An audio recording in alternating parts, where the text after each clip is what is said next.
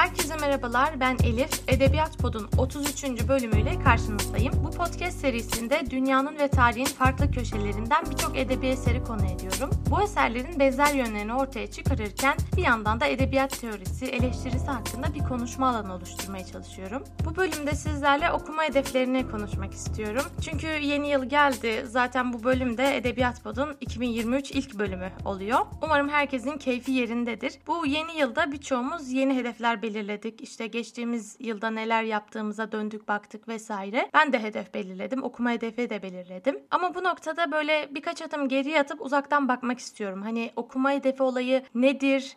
E, riskleri nelerdir okuma hedefi belirlemenin ya da nasıl bir okuma hedefi belirlersek bu e, riskli olmaktan çıkıp da gerçekten okuma deneyimimizi iyileştirecek bir noktaya gidebilir. Bu konuları biraz konuşalım dedim. Şimdi ilk olarak Instagram'da yaptığım bir anketle başlamak istiyorum. Hani şey gibi bu milli piyango sonuçlarını yılbaşı gecesi açıklayan. Hala yapılıyor mu o bu arada bilmiyorum. E, ama onun gibi bir e, sonuç açıklayacağım. Geçtiğimiz günlerde Instagram hesabımdan bir anket yaptım. Yeni yıl için kitap okuma hedefi belirlediniz mi? Belirlediyseniz kaç kitap okumak istiyorsunuz diye. Şıklar şöyleydi. Evet ve bu sene belirledim. Bu ilk şık. Evet ama bu sene belirlemedim. İkinci. Hayır hiçbir zaman kitap okuma hedefi belirlemem. Ve dördüncü şık hayır ama bu sene e, belirlemek istiyorum. Sonuçlarda şöyle oldu. Evet ve bu sene belirledim diyenler %47 oranında çıktı. Evet genelde belirlerim ama bu sene belirlemedim diyenler %18. Hayır hiçbir zaman diyenler %18. Hayır ama bu sene istiyorum diyenler de %17. Gördüğümüz üzere evet bu sene belirledim diyenler çoğunlukta. Fakat ben bu oylamaya ilk başladığımda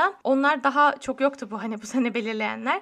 Bir baktım resmen e, hayır asla belirlemem diyenler baya yüksek. Allah Allah niye diye düşündüm. İşte birileriyle konuştum derken bu işin sonuçları ortaya çıktı. Kitap okuma hedeflerinin gereksiz olduğunu düşünen hatta e, okuma deneyimine zarar verdiğini düşünen büyük bir kitle varmış. Bu ortaya çıktı. Ve gerçekten de düşüncelerinin bazılarına ben de çok katılıyorum. Onları birazdan anlatacağım. Ama ondan önce şey de söyleyeyim. Peki bu sene kaç kitap okuma hedeflediniz sorusuna gelen cevaplarda da ortalama 30 çıktı. Bu da bence çok anlaşılabilir. Gerçekten de ortalama bir rakam. O halde direkt olarak başlayalım. Goodreads'te özellikle bir e, okuma hedefi olayı var. Yıllık okuma hedefi. Bu uygulamayı kullanan neredeyse herkes okuma hedefi belirliyor. Tabii ki Goodreads'in buradaki amacı kendi web sitesine daha çok trafik çekmek vesaire. Ama bu okuma hedefinin yararlı olduğu kişi sayısı da çok. Özellikle internetteki yorumlara bakınca hani Goodreads'te okuma hedefi belirledim. Bu sayede artık daha iyi bir okurum, daha düzenli kitap okuyorum gibilerinden çok beyanat bulabiliyorsunuz. Ama bir noktada bir düşünmek istiyorum. Şimdi hani kaç kitap okudum, kaç kitap okuyacağım. Bu tarz şeyleri düşünürken aslında her şeyi sayılara dökme fantezisinin içine düşebiliyoruz. Mesela Goodreads'te de yıl sonunda bir tane seçenek çıkıyor. Senin 2022 yılının kitaplarla özeti gibi bir bölüm yapıyorlar. Oraya tıklayınca da okuduğun en kısa kitap, okuduğun en uzun kitap, okuduğun en popüler, en az popüler kitap, kaç kitap okudun, kaç sayfa okudun,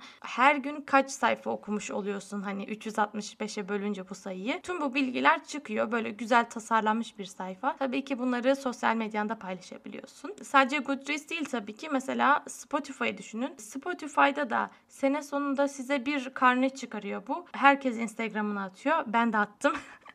yani bu podcast'te şunu söylemeliyim. Böyle hani giyotin sehpasına ben yattım. O kafayı soktum oraya. Çünkü aslında bir noktada belki eleştireceğim her şeyi ben yaptım, yapıyorum. Yapmaya devam edeceğim. Hiçbir pişmanlık duymuyorum. Sadece hani yaptığımız şeyleri biraz daha bilinçli yapalım, sorgulayalım diye bu podcast yapıyorum. Ya bir Spotify yıl sonu karnesini, storiesine atanlar, ne kadar da basit insanlar, yüzeysel insanlar gibi bir anlam asla çıkmasın. Çünkü dediğim gibi hepsini ben de yaptım ve yapıyorum. Ee, ne diyordum? Evet. Spotify'ın bu yıl sonu karnesinde mesela nasıl şeyler yazıyor? 75 bin dakika Feyruz dinledin. Yok efendim 34 kere ardarda arda madrigal seni dert etmeler dinledin. Bu tarz e, tamamen hani sayılarla ifade edilen sonuçlar çıkıyor. Ve zaten bizim bu dijitalleşen çağda içinde yaşadığımız dönemde her şey sayılarla ifade edilebiliyor artık. Ve e, tabii ben de bundan hoşlanıyorum ama bir noktada gerçekten aşırıya kaçtığımızda da sayılabilir olma, hesaplanabilir olma ve ölçülebilir olma yani o o e, aşırı rasyonaliteyle gelen bu tarz bir fetiş yani bir sayı fetişinin, bir data fetişinin de karşımıza çıktığını görüyoruz. Ve aslında hiç de fark etmeden birçoğumuz da e, bu şekilde evriliyoruz. Yani her şeyi sayılarla ifade etmeye çalışıyoruz. Kaç kitap okudum, kaç sayfa okudum, bilmem e, kaç satırın altını çizdim. Yani bu tarz bilgilerin gerçekten bize bir faydası olacak mı? Daha iyi bir okur yapacak mı bizi? Ya da Spotify konusunda. Tamam kardeşim 74 bin dakika Ferrioz dinlemiş olabilirim. Hani bunun olayı nedir yani? E dinledim. Ne var yani? Bunu bilmek bana ne kattı? Ya da bunu insanlara göstermek bana ne kattı? Şimdi bunu bilmenin bana ne kattığını bir es geçersek bunu insanlara göstermenin bana kattığı bir sürü şey var tabii ki. Mesela birçoğumuz şöyle davranışlarda bulunuyoruz fark etmeden. Bakın ben ne kadar mükemmel müzikler dinliyorum. Bakın ben ne kadar trendleri takip ediyorum. Ya da tam tersi böyle az dinlenen müzikleri dinliyorsanız e, bakın işte ben ne kadar toplumdan farklıyım, ne kadar nevi şahsıma münhasır bir kimseyim. Bu tarz mesajlar vermeye çalışıyoruz. E, veya kitaplarda da aynı şekilde bakın kaç kitap okudum, bakın neler okudum. Sürekli olarak bir noktada dışarıya bunu gösteriyoruz sosyal medyada paylaşarak. Bu zamanın ruhuna bakarsak şöyle bir durum var. Görünüyorum, öyleyse varım. Yani varoluşumuz veya bir şeyi yapıyor oluşumuz ancak göründüğü nispetinde kıymetli oluyor. Eğer biz çok kitap okuyorsak ama bunu hiç kimseye göstermiyorsak, sosyal medyada hiç paylaşmıyorsak ya da sene sonunda onları toplayıp sayıp da bak efendi ben şu kadar kitap okudum gibilerinden insanların gözüne sokmuyorsak o zaman okuduğumun da bir kıymeti yok gibi bir e, yanlış düşünceye girebiliyoruz. Tamam sen 100 kitap okumuşsun. Tebrik ediyorum. Ama bu 100 kitap hangi kitaplardı? Bir listele bakalım. Yani sadece lise romanları mı okudun? Ya da böyle her biri 50 sayfadan oluşan ve yayın evlerinin aslında daha çok satalım da para kazanalım kafasıyla bastığı metaforlar kitaplarını falan mı okudun? Gerçekten okuduğun şeyler sana bir şey kattı mı? Ya da sana keyif verdi mi? Veya senin empati yeteneğini geliştirdi mi? Bunlar olmak zorunda değil. Yani kitaplar farklı amaçlarla okunabilir. Bir önceki bölüm bunu konuştuk ama öyle ya da böyle senin okuduğun kitapların senin ruhunda kendini bulduğu bir yer oldu mu? Birçoğumuzda sayılarla ifade etme olayı bu illüzyonu yaratıyor. Böyle olduğunda da nicelik nitelikten daha öne geçiyor. YouTube'da bir video izlemiştim geçenlerde. Bir e, hanım kız diyor ki ben diyor bir senede 52 kitap okudum. Her hafta bir kitap okuyordum. 52 hafta 52 kitap okudum ve hayatım değişti. Açtım İngilizce bir video izliyorum. Videoda beğendiğim şey şu oldu. Bu YouTuber haftada bir kitap okuma projesinin artılarını ve eksilerini anlatmış. Yani sadece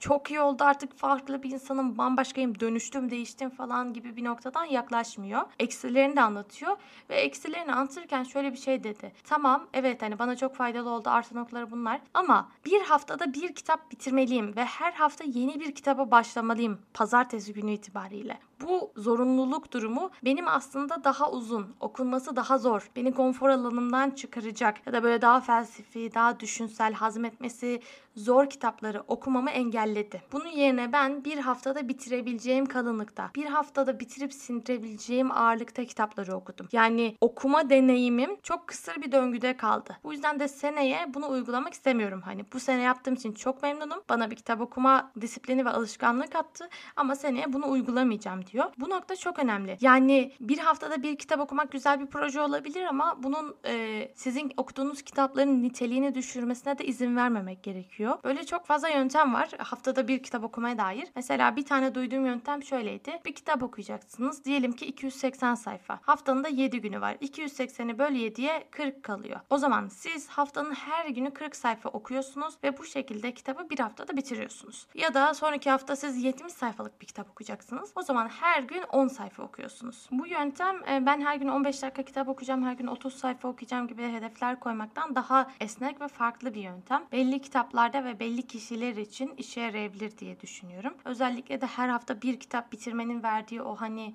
başarı hissi, tamamlanmışlık hissi kitap okuma alışkanlığı oturtmaya çalışan kişilerin çok hoşuna gidecektir diye düşünüyorum. Şimdi okuma hedeflerinin bir diğer olumsuz yanı da şu. Sadece okumuş olmak için bir kitabı okumak. Yani belki o kitaptan bir şeyler öğrenmek ya da okurken keyifli vakitler geçirmek istiyorsunuz. Ama e, bunun için okumuyorsunuz da sadece ben bir çentik daha atabileyim. Hani hedefimi tamamlayayım. 80 kitap okuyacaktım. Bir tane daha azaltayım. Bu şekilde bir yaklaşımda bulunuyorsunuz. Bu da aslında kitap okumanın yine ruhunu öldüren bir şey. Çünkü baktığınız zaman yılda şu kadar kitap okumak. Diyelim ki yılda 20 kitap okuma hedefiniz var. Yılda 20 kitap okuma hedefini size okulda ödev olarak vermediler. Yani diploma almak için bunu yapmak zorunda değilsiniz. Ya da iş yerinde işte bu task'ı bitir. Bunu yaparsan aylık düzenli olarak maaş alacaksın, prim alacaksın da demediler size. E haliyle siz bunu aslında sadece ruhunuz için, zihniniz için, kendiniz için yapıyorsunuz. Ama bu şekilde yani sonunda bir ödül bile almayacağınız ya da zaten dışarıdan size zorunlu olarak baskıyla gelmeyen bir hedefe ulaşmak için bu kadar uğraşıyorsunuz ve e, keyif almadan öylesine öylesine sayfaları çevirerek okuyorsunuz. Bunun hiçbir faydası yok. Elinize bir şey de geçmeyecek. Hani işte olsanız diyeceğim ki tamam sevmediğim bir şey yapıyorsun ama en azından sonunda maaş alacaksın ve bu maaşla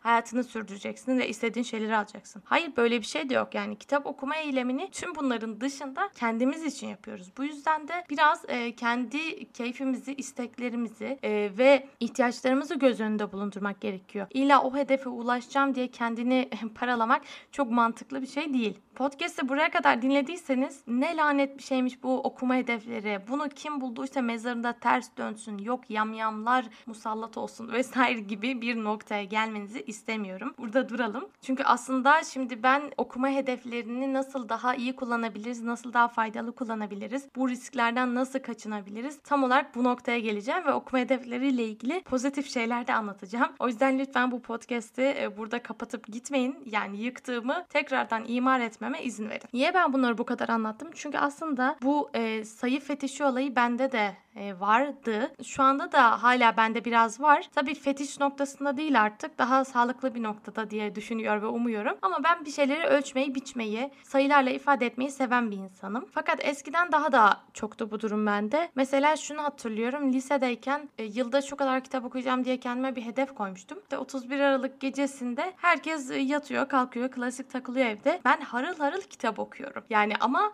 o okumak okumak değil gerçekten. E, bunu yapmamak lazım. Böyle ben sayfaları hızlıca atlıyorum. Böyle o kitabı bitireceğim. Ya kardeşim velev ki kapat bitirdim tamam bu kadar. De, hadi yani kimse seni ölçmüyor sen bu kitabın her sayfasını okudun mu diye. Ama ben de öyle bir görev bilinci aşkı ve hani hedefe ulaşma hırsı var ki oturdum tüm sayfalar okumaya çalışıyorum falan ve nihayetinde de okuyup bitirmiştim. O hedefe ulaşmıştım. Bu kadar çabalamaya gerek var mıydı? Yani çok gereksizdi açıkçası bu yaptığım şeyler. Artık böyle şeyler tabii ki yapmıyorum. Evet o zaman pozitif noktalara doğru ilerleyelim. Direkt olarak kitabın ortasından bir e, ifadeyle başlayacağım. En sonunda söylemeyeceğim bu sonucu. Tüm bu problemlere ve kitap okuma hedeflerinin bu risklerine karşı bizim cevabımız ve korumamız tam olarak bir cümle. Kitap okuma hedefleri bir amaç değil araçtır. O zaman aracı layıkıyla kullanmak lazım. Yani araç olan şeyi amaçlaştırırsak ve onu aşırı kafaya takarsak tabii ki bize faydasından çok zararı olacaktır. Biraz önce anlattığım gibi. Ama kitap okuma hedeflerini bir araç olarak kullanırsak bize gerçekten çok faydası olabilir. Mesela okuma hedefleri bizim konfor alanımızdan çıkmamıza çok yardımcı olabilir. Çünkü tabii ki biz insanlar olarak daha kolay olan şeylere meylediyoruz. Mesela bir roman okuyoruz diyelim ki bilmem ne türünde. Onu beğendik ya tamamen onu okuyoruz. Her zaman onu okuyoruz. Bir seriyi beğendik. Mesela Harry Potter'cılar vardır. Ben de Harry Potter'ı çok seviyorum. Fakat bu insanlar her sene Harry Potter serisini baştan okurlar. E tabii ki okuyabilirsin bu arada hani bir insan bu şekilde yapmak istiyorsa ve sadece bunu okumak istiyorsa ben buna tamamen okeyim. Yani beni hiç ilgilendirmiyor. Ama bir insan diyorsa ki ben entelektüel olarak kendimi geliştirmek istiyorum. Farklı bakış açılarına sahip olmak istiyorum. Daha farklı türlerden kitaplar okumak istiyorum. İçinde böyle bir istek varsa eğer o insanın dediğim gibi eğer insan sadece Harry Potter okumak istiyorsa buyur oku. Ama eğer içinde bir yandan böyle farklı şeyleri keşfetmek için istek varsa ama bir yandan da ya ben zaten Harry Potter serisini seviyorum. O yüzden her sene tekrar okuyayım. Canım kitap okumak istediğinde tekrar okuyayım diyerek konfor alanına sıkışıp kalıyorsa ve aslında bakış açısını, bilgisini veya farklı sevebileceği serileri keşfetme imkanlarını bu şekilde önüne set çekiyorsa o zaman belki bir okuma hedefi koymak işe yarayabilir. Bunun haricinde okuma hedefleri farklı şeyleri keşfetmekten ziyade bir alanda derinleşmeye de yardımcı olabilir. Mesela diyelim ki siz bu sene göç konusunda ilgi duymaya başladınız. Çok da popüler bir konu. O zaman ben bu sene göçe dair önemli 5 kitap okuyacağım gibilerinden bir hedef koyabilirsiniz. Kurgu dışı türünde 5 kitap okuyacağım. Ya da işte göçmenler tarafından yazılmış anı kitaplarından 5 tane okuyacağım gibi bir hedef koyabilirsiniz. Bu sizin gerçekten o alanda daha çok ve bilinçli okuma yapmanızı sağlar. Buradaki de risk şurada. Şimdi siz senenin başında oturup Google'dan aratıp işte göç konusunda en iyi kurgu dışı kitaplar şeklinde bakıp sonra da 5 tane kitabı seçip okey ben bu kitapları okuyacağım kardeşim. Şimdi de satın alıyorum koyuyorum gözümün önüne derseniz bunu sürdürmesi çok mantıklı olmayabilir. Çünkü sene içinde başka kitaplar keşfedeceksiniz ya da sadece Google aramasıyla en iyi kitapları bulmanız mümkün değil. Hani göç ile ilgili bir kitabı okurken onun içinde geçen atıflardan, bibliografyasından belki farklı kitaplar göreceksiniz. Onları okumak isteyeceksiniz. Göçün daha spesifik bir alanına dair özel ilginizi keşfedip oraya yönelmek isteyeceksiniz. Bunların hepsi bir ihtimal.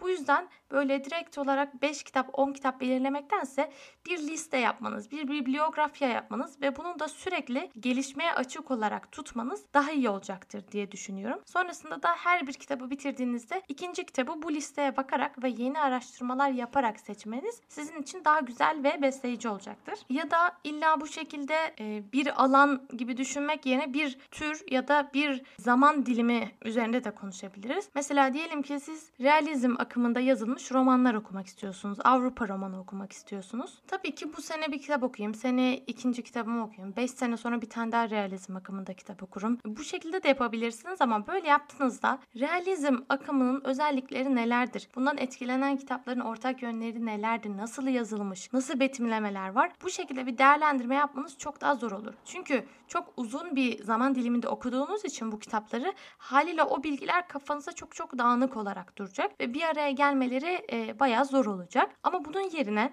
realizm türünde bu sene 3 tane roman okuyacağım diye karar verip o romanları seçip ya da bir listeden biraz önce anlattığım gibi liste yapıp oradan sırasıyla seçip okursanız yani yakın zaman diliminde okursanız o zaman siz bu 3 kitap arasındaki bağlantıları çok daha kolay sağlayacaksınız. Çünkü detayların birçoğu aklınızda kalmış olacak. Bu şekilde yaparsanız da yine e, daha belki e, bilinçli bir okur olma yolunda güzel bir adım olabilir. Ya da farklı bir yöntem yine her ay bir tane şundan okuyacağım ya da her 3 ayda bir şundan okuyacağım gibilerinden bir kriter belirlemek. Mesela dünya klasiklerini böyle yapabilirsiniz. Eğer çok kitap okuyan bir insansanız hani bir ayda böyle 4 kitap falan okuyorum diyorsanız ben her ay bir tane dünya klasiği okuyacağım ya da her 3 ayda bir bir tane hacimli dünya klasiği ne bileyim Karamazov kardeşler gibi Suç ve Ceza gibi Savaş ve Barış gibi bir kitap okuyacağım gibilerinden bir kriter de koyabilirsiniz. Bu da yine hem oku okumalarınızı biraz daha düzenli hale getirir. Hem de e, klasikleri okuma gibi bir isteğiniz varsa bu konuda size bir motivasyon sağlayabilir. Motivasyon kelimesi de çok önemli tabii ki. Ben burada zaten kitap okuma alışkanlığı olan bir insan olarak konuşuyorum. Bu podcast'i dinleyen birçok insanda kitap okuma alışkanlığı gördüğüm kadarıyla var. Ama kitap okuma alışkanlığı hiç olmayan, bu alışkanlığı kazanmak isteyen, hani senede bir kitap dahi okumayan ya da maksimum iki kitap okuyan kişiler de dinliyor olabilir. Onlar için söylemek istediğim şey şu veya çevrenizde böyle insan insanlar varsa onlara önerebilirsiniz. Bu şekilde kimseler için gerçekten kitap okuma hedefleri çok faydalı. Kitap okuma alışkanlığı ve disiplini kazanmak için muhakkak hedefler belirleyin. Çünkü bir hedef koyduğumuzda ister istemez o hedefe yönelik daha çok bir şeyler yapmak istiyoruz ve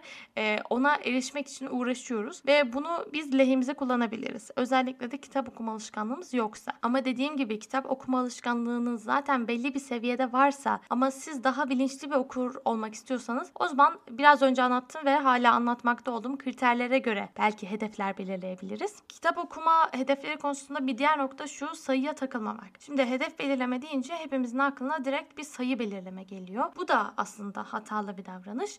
Çünkü her şeyi sayıyla ölçemeyiz. Podcast'ın başında da anlattığımız gibi. Yani belli bir sayı belirlemektense biraz önce dediğim gibi 3 ayda bir klasik okuyacağım. E, göçe dair 5 tane kurgu dışı kitap okuyacağım gibi daha tematik hedefler belirlemek okuma deneyimimiz için daha iyi olur olur. Yoksa bir sayı belirlediğimde podcast'ın başında anlattığımız tüm o risklere kapılma, düşme olasılığımız çok daha yüksek. Ama burada da yine hemen e, tekrar söylemek istiyorum. Kitap okuma alışkanlığı kazanmak isteyen insanlar bence sayıyla hedef belirleyebilirler. Ha, bu arada diğer herkes de belirleyebilir. Ben de sayıyla bir hedef belirliyorum Goodreads'te. Ama bu hedefe ulaşmak benim için çok çok önemli olmuyor. Hani o e, aracı amaç haline getirmeme olayını yapabilirseniz istediğiniz gibi bence e, sayı olarak da hedef belirleyebilirsiniz. Sadece 50 kitap okuyacağım nokta deyip geçmemek lazım. Yani biraz daha üzerinde uğraşmak lazım bunun. Son olarak sevdiğim metot da şu. Bir alan dedik, tür dedik, zaman dilimi dedik. Bunun haricinde bir de farklı bir konsept oluşturabilirsiniz. Yine o konfor alanından çıkma ee, onunla bağlantılı burası da. Okumayı ertelediğim kitaplar. Bu bende çok oluyor. Ben Bir kitap okumayı çok istiyorum ve gerçekten istiyorum. Yani şey değil, birisi bana bunu oku dedi diye değil. Gerçekten onu okumak istiyorum. Satın alıyorum ya da indiriyorum bir yere koyuyorum. Fakat sonrasında sürekli yeni kitaplar aldığım için, gündemim değiştiği için onu okuyamıyorum. Ama kitaplar her baktığımda ya ben bu kitabı çok okumak istiyorum diye düşünüyorum. O zaman yeni bir yıla girdiğimde yeni hedefler belirlerken o kitaplardan bazılarını bir liste yapıp ya ben bu kitaplar arasından yani okumayı çok ertelediğim bu kitaplar arasından en az 3'ünü bu sene okuyacağım gibilerinden bir hedef koymaya çalışıyorum. Bu da benim için çok iyi oluyor. Çünkü genelde o ertelediğim kitapları okuduğumda ya keşke daha önce okusaymışım diyorum. Zaten hani o kitabı okumayı çok istiyorum. Eminim araştırmam tam, önerilerim tam, her şeyim tam. Ben hazırım ama bir türlü vakit bulup okuyamıyorum. Bu yüzden de okuyunca memnun kalma olasılığım çok yüksek oluyor. Evet o halde podcast'in son bölümüne geçelim ve e, benim hedeflerim üzerine konuşalım. Bu sene ben bir önceki podcast'te de e, söylemiştim zaten. Sene değerlendirmemi böyle çok net bir sene değerlendirmesi yapmadım. 2022 benim için biraz nasıl anlatsam aslında çok uzun geldi bana. Hızlı geçti diyemem ama rüzgar gibi geçti. Hani hem hızlı geçmedi hem rüzgar gibi geçti. Neyi demek istiyorum? Çok fazla şey yaşandı. Böyle gözümü açıp kapatıyorum ne olduğunu anlayamıyorum. Ee, yeni yeni süreçlere girdim. Böyle bir sene oldu. Bu yüzden de birçok planım programım ertelendi. Yerine yeni şeyler geldi. Ve bu yüzden de sene sonunda kendime karşı çok sert olmamaya karar verdim. Ee, çok daha sakin böyle baktım. Çok güzel tamam kardeşim bu kitapları okumuşsun tebrik ederim.